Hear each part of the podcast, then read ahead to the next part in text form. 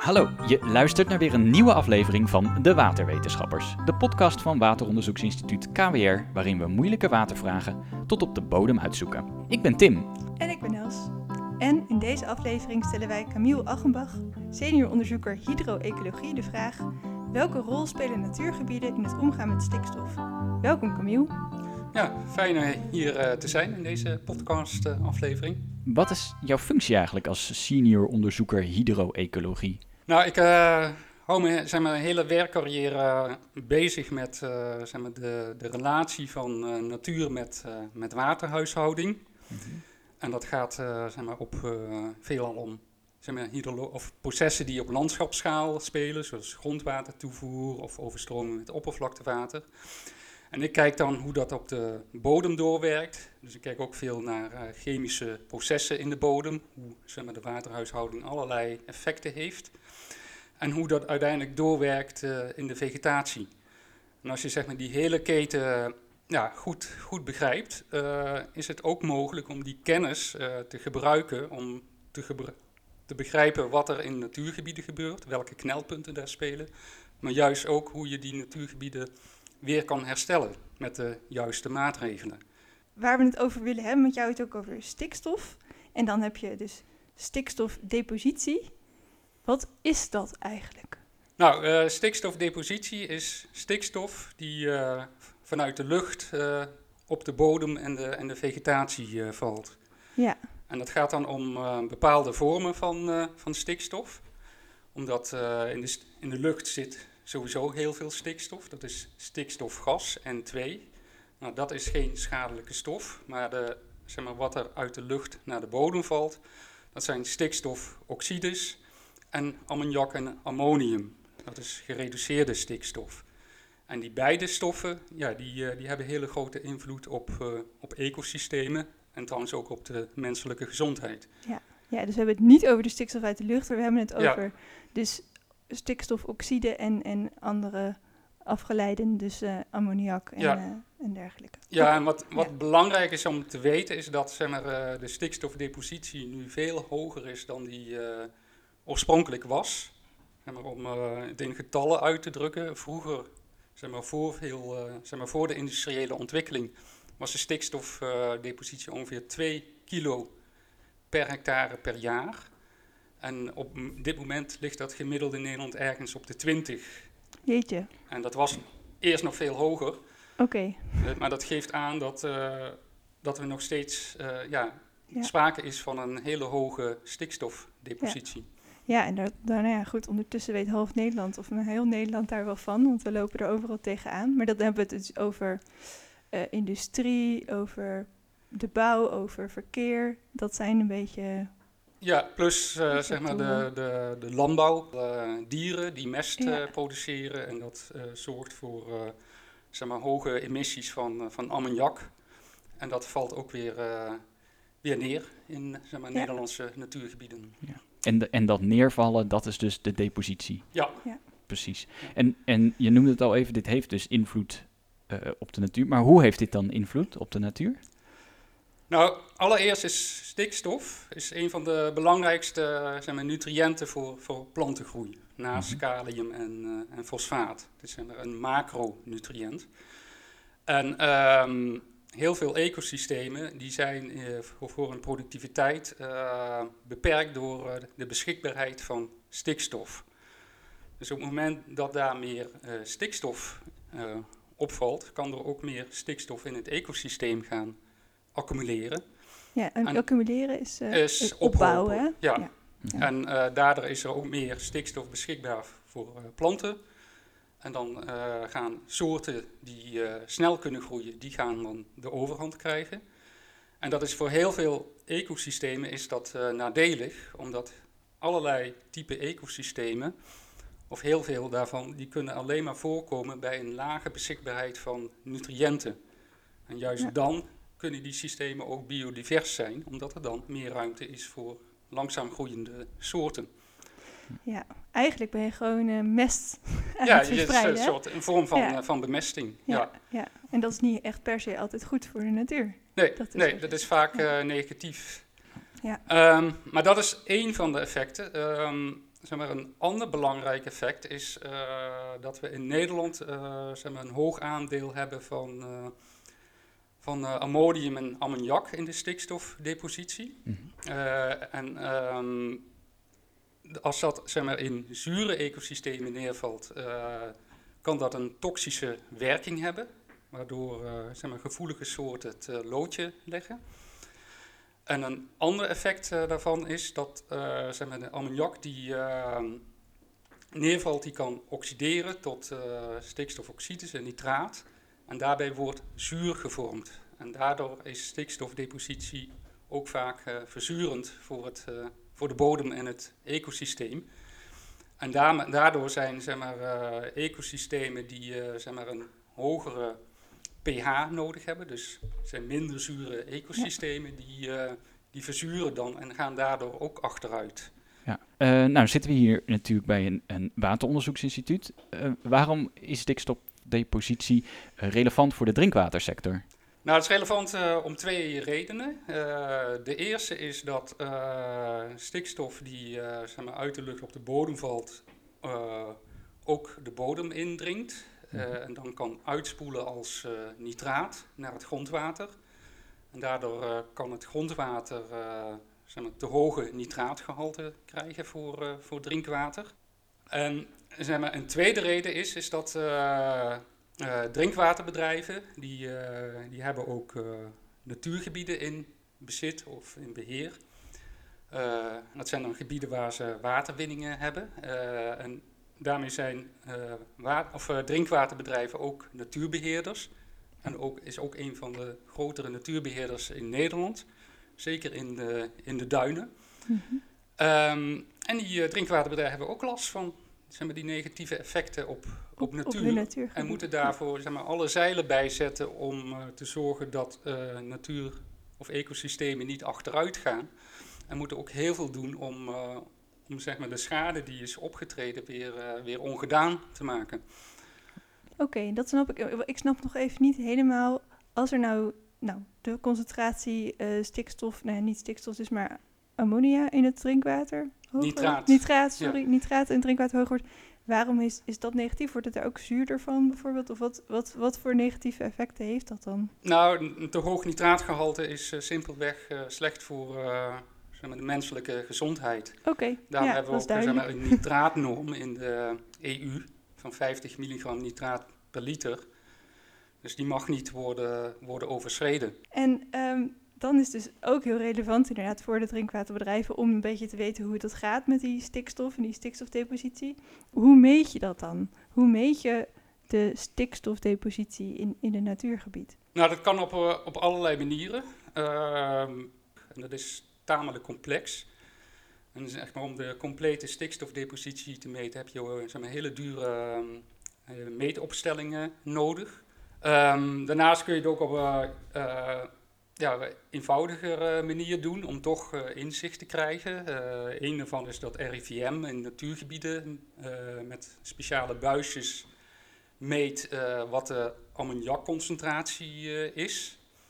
En een andere manier die we zeg maar, zelf eh, afgelopen jaren hebben, hebben uitgeprobeerd is het meten van stikstofgehalte in mossen. En ik selecteren we bepaalde algemene mossoorten, waarvan bekend is dat eh, het stikstofgehalte in die mossen een relatie heeft met de stikstofdepositie. En eh, zeg maar, mossen zijn ja, relatief eenvoudig te bemonsteren. Eh, en st- stikstofgehalte in mossen meten, dat is ook vrij makkelijk. En op die manier zou je op een, ehm, eh, zeg maar met in een hogere dichtheid zeg maar de stikstofdepositie kunnen, kunnen volgen. Ruimtelijk of, of in de tijd. Eh, en daarmee zou je veel meer meetpunten kunnen hebben dan eh, zeg maar, alleen maar met zeg maar, die uitgebreide meetopstellingen die er wel zijn op enkele plekken in Nederland.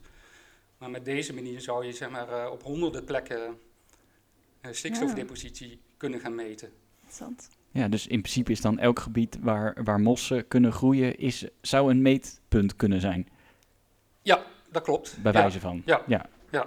Ja. En, en aan de hand van die mossen eh, konden jullie toen eh, een aantal jaar terug ook zien dat we in een corona-lockdown zaten, toch? Ja, Ja, de, de coronalockdown was eigenlijk de aanleiding om uh, binnen Nederland aan de slag te gaan met stikstofmetingen in, in mossen. En de vraag die we toen hadden is ook of we zeg maar, effecten konden meten van de lockdown op de stikstofdepositie. Mm -hmm.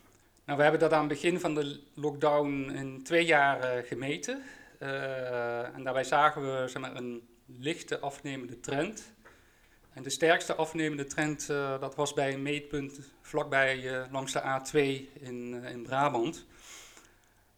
dus dat, ja, dat hield, vermoedelijk verband met zeg maar, veel minder verkeer op de, op de A2 ja, in de, tijdens de lockdown. Ja, dus het is, nou, de corona-lockdown was dus in die zin goed voor een vermindering van de stikstofdepositie. Maar het is natuurlijk ook wel mogelijk om nou ja, echt, echt de natuur te herstellen. Hè? Om, om herstelmaatregelen te nemen, zodat die natuur, um, de invloed van stikstof op de natuur wordt verminderd. En, en, en kun je daar nog wat meer over vertellen? Want volgens mij hebben jullie daar ook onderzoek naar gedaan. Ja, er is, um, zeg maar, toen um, in Nederland uh, zeg maar, stikstofdepositie maar, onderkend werd als een groot probleem voor Natura 2000 gebieden. En dat zijn gebieden met een Europese beschermde status van de natuur daar. Um, toen zat Nederland met het probleem van de stikstofdepositie is nog veel te hoog. Uh, maar tegelijk is het ook heel lastig om die stikstofdepositie snel omlaag te krijgen. Want dat vergt gewoon zeg maar, maatregelen in allerlei uh, sectoren. En je moet dat ook nog op, op een grote schaal uh, gaan doen.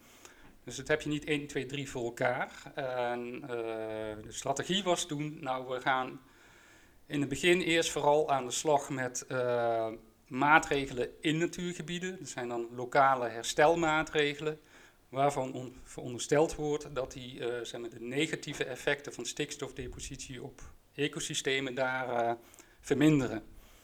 Zogenoemde ja, mitigerende maatregelen. Ja. Hebben jullie daar interessante resultaten uit kunnen halen uit het onderzoek wat jullie gedaan hebben? Want helemaal aan het begin had je het even over plaggen. Had dat daar ja. ook iets mee te maken? Ja, de vraag die wij hadden is van kunnen zeg maar, uh, lokale herstelmaatregelen het effect van stikstofdepositie verminderen? En is het dan ook mogelijk om, uh, om ecosystemen te herstellen terwijl de stikstofdepositie eigenlijk nog te hoog is, nog voor, te die, hoog is ja. voor die ecosystemen? Ja. Maar we hebben dat onderzocht voor uh, uh, verstuiving van zand in de duinen. En dat kun je met maatregelen, bijvoorbeeld als plaggen of afgraven, kun je dat bevorderen. Ja. En daarvan wordt verondersteld dat dat tot uh, herstel van duingraslanden leidt. Nou, daar we, hadden we, deden we al heel veel onderzoek naar. Uh, maar wij hebben die maatregel ook uh, zeg maar onderzocht. Van of dat dan daadwerkelijk helpt.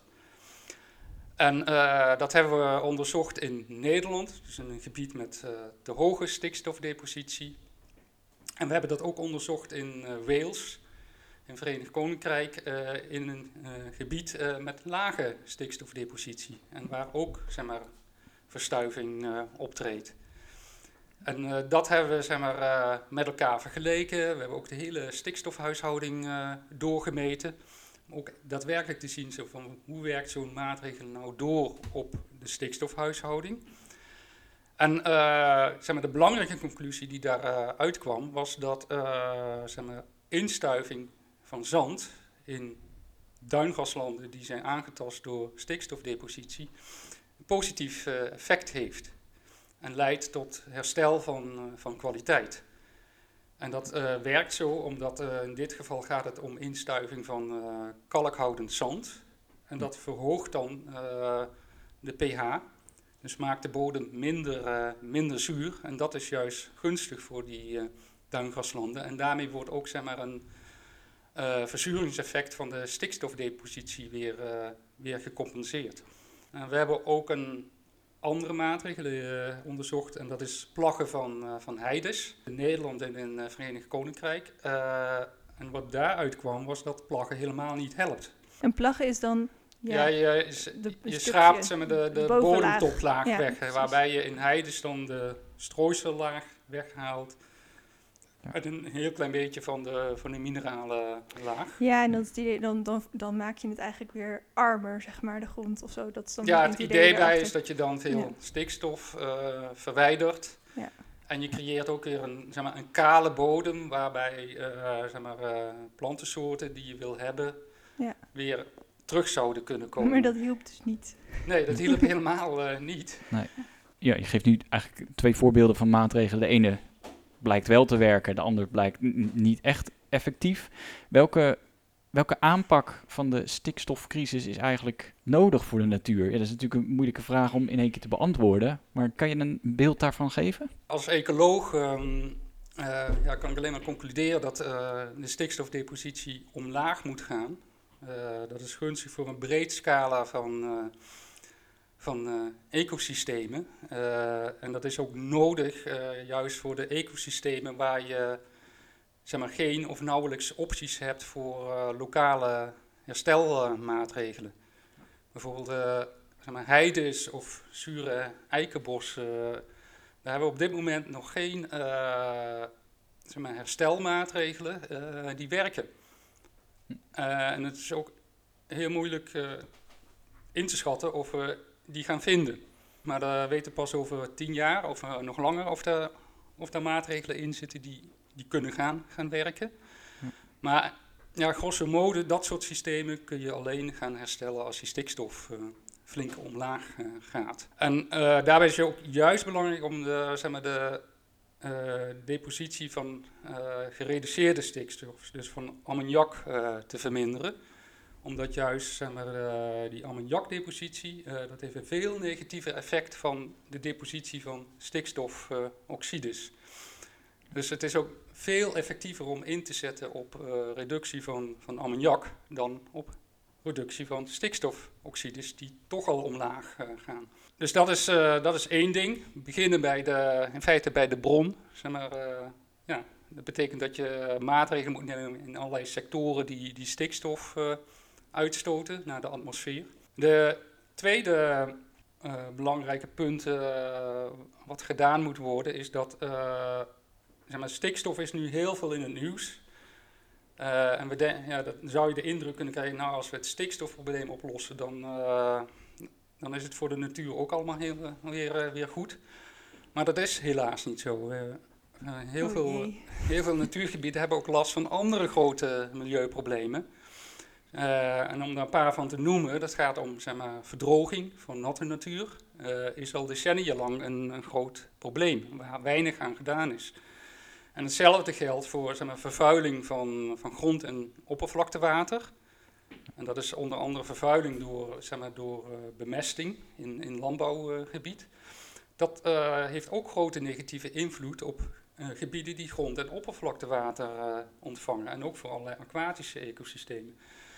Eh, en waar ik wil, ja, wat eigenlijk nodig is, is dat je eh, bij aanpak van herstel van natuurgebieden ook eh, zeg maar, al die grote problemen tegelijk aanpakt. Ja. En nu niet alleen gaat focussen op het oplossen van de stikstofcrisis. Of, dat moet, moet gebeuren, maar daarnaast moet je ook die andere problemen aanpakken. En ook kijken of je dat zeg maar, in samenhang met elkaar kan aanpakken. Maar dan ben je er nog niet. Eh, want eh, zeg maar, eh, heel veel natuurgebieden heeft die stikstofdepositie allerlei effecten gehad op de bodem en vegetatie en het bodemleven. En dat betekent dat je daar ook nog zeg maar, aanvullende interne maatregelen moet, moet uitvoeren. En het belangrijk is om dat soort maatregelen goed te timen op maatregelen die die grote milieuproblemen oplossen. Vooral op je externe maatregelen. En daarnaast is eh, dan nog belangrijk om, zolang je zeg maar, allerlei belangrijke randvoorwaarden, als zeg maar, de waterhuishouding en stikstof, nog niet op orde hebt, of nog niet meteen op orde krijgt, om eh, heel gericht eh, zeg maar, overlevingsmaatregelen in natuurgebieden uit te voeren. Maar dat moet je heel gericht doen en met veel verstand van zaken, zodat je niet de verkeerde dingen doet, want dat kan ook snel averechts uitwerken. En daarmee zorgt voor uh, zeg maar, overleving van uh, nou, bepaalde ecosystemen, maar ook van allerlei soorten die uh, op het randje zitten. In deze aflevering stelden wij Camille Achenbach de vraag: welke rol spelen natuurgebieden in het omgaan met stikstof? Ja, en we hebben ontdekt dat um, het antwoord is, is, is niet zo super makkelijk te geven. Maar natuurgebieden spelen een behoorlijk grote rol in het omgaan met stikstof. Dat kunnen we wel zeggen. Aan de ene kant worden ze enorm beïnvloed um, door de stikstofdepositie. En dat kan uiteindelijk gevolgen hebben voor de natuurgebieden zelf, voor de dieren die er leven, voor de, nou, de biodiversiteit, maar ook voor de drinkwaterkwaliteit. Um, en aan de andere kant zijn er verschillende maatregelen te nemen om nou ja, dat, dat te verminderen, hè, die, die invloed. Um, en daarvan heeft Camille twee mooie voorbeelden gegeven, waarbij, waarbij hij heeft laten zien van, nou ja, uh, plaggen met Van Heide, dat heeft heel weinig zin. Maar verstuiven juist wel. Nou ja, dus daar kun je meer onderzoek naar doen. Maar uiteindelijk heeft Camille ook wel heel erg aangegeven. Wat er echt nodig is, is het omlaag brengen van die stikstofdepositie. Want je kan niet alleen maar, uh, niet voor alle gebieden op herstelmaatregelen leunen. Dus ja, de natuurgebieden hebben zeker een rol te spelen, maar die kunnen dit niet zelf oplossen. En er moet een hele hoop gebeuren. Dankjewel voor het luisteren naar de waterwetenschappers. Ga naar kwrwater.nl slash podcast om je te abonneren via jouw favoriete podcast app. Heb je zelf ook een moeilijke watervraag? Stuur hem dan in via info.kwrwater.nl Volgende keer zijn we er weer met een moeilijke vraag en een slimme waterwetenschapper. Tot dan! Tot dan!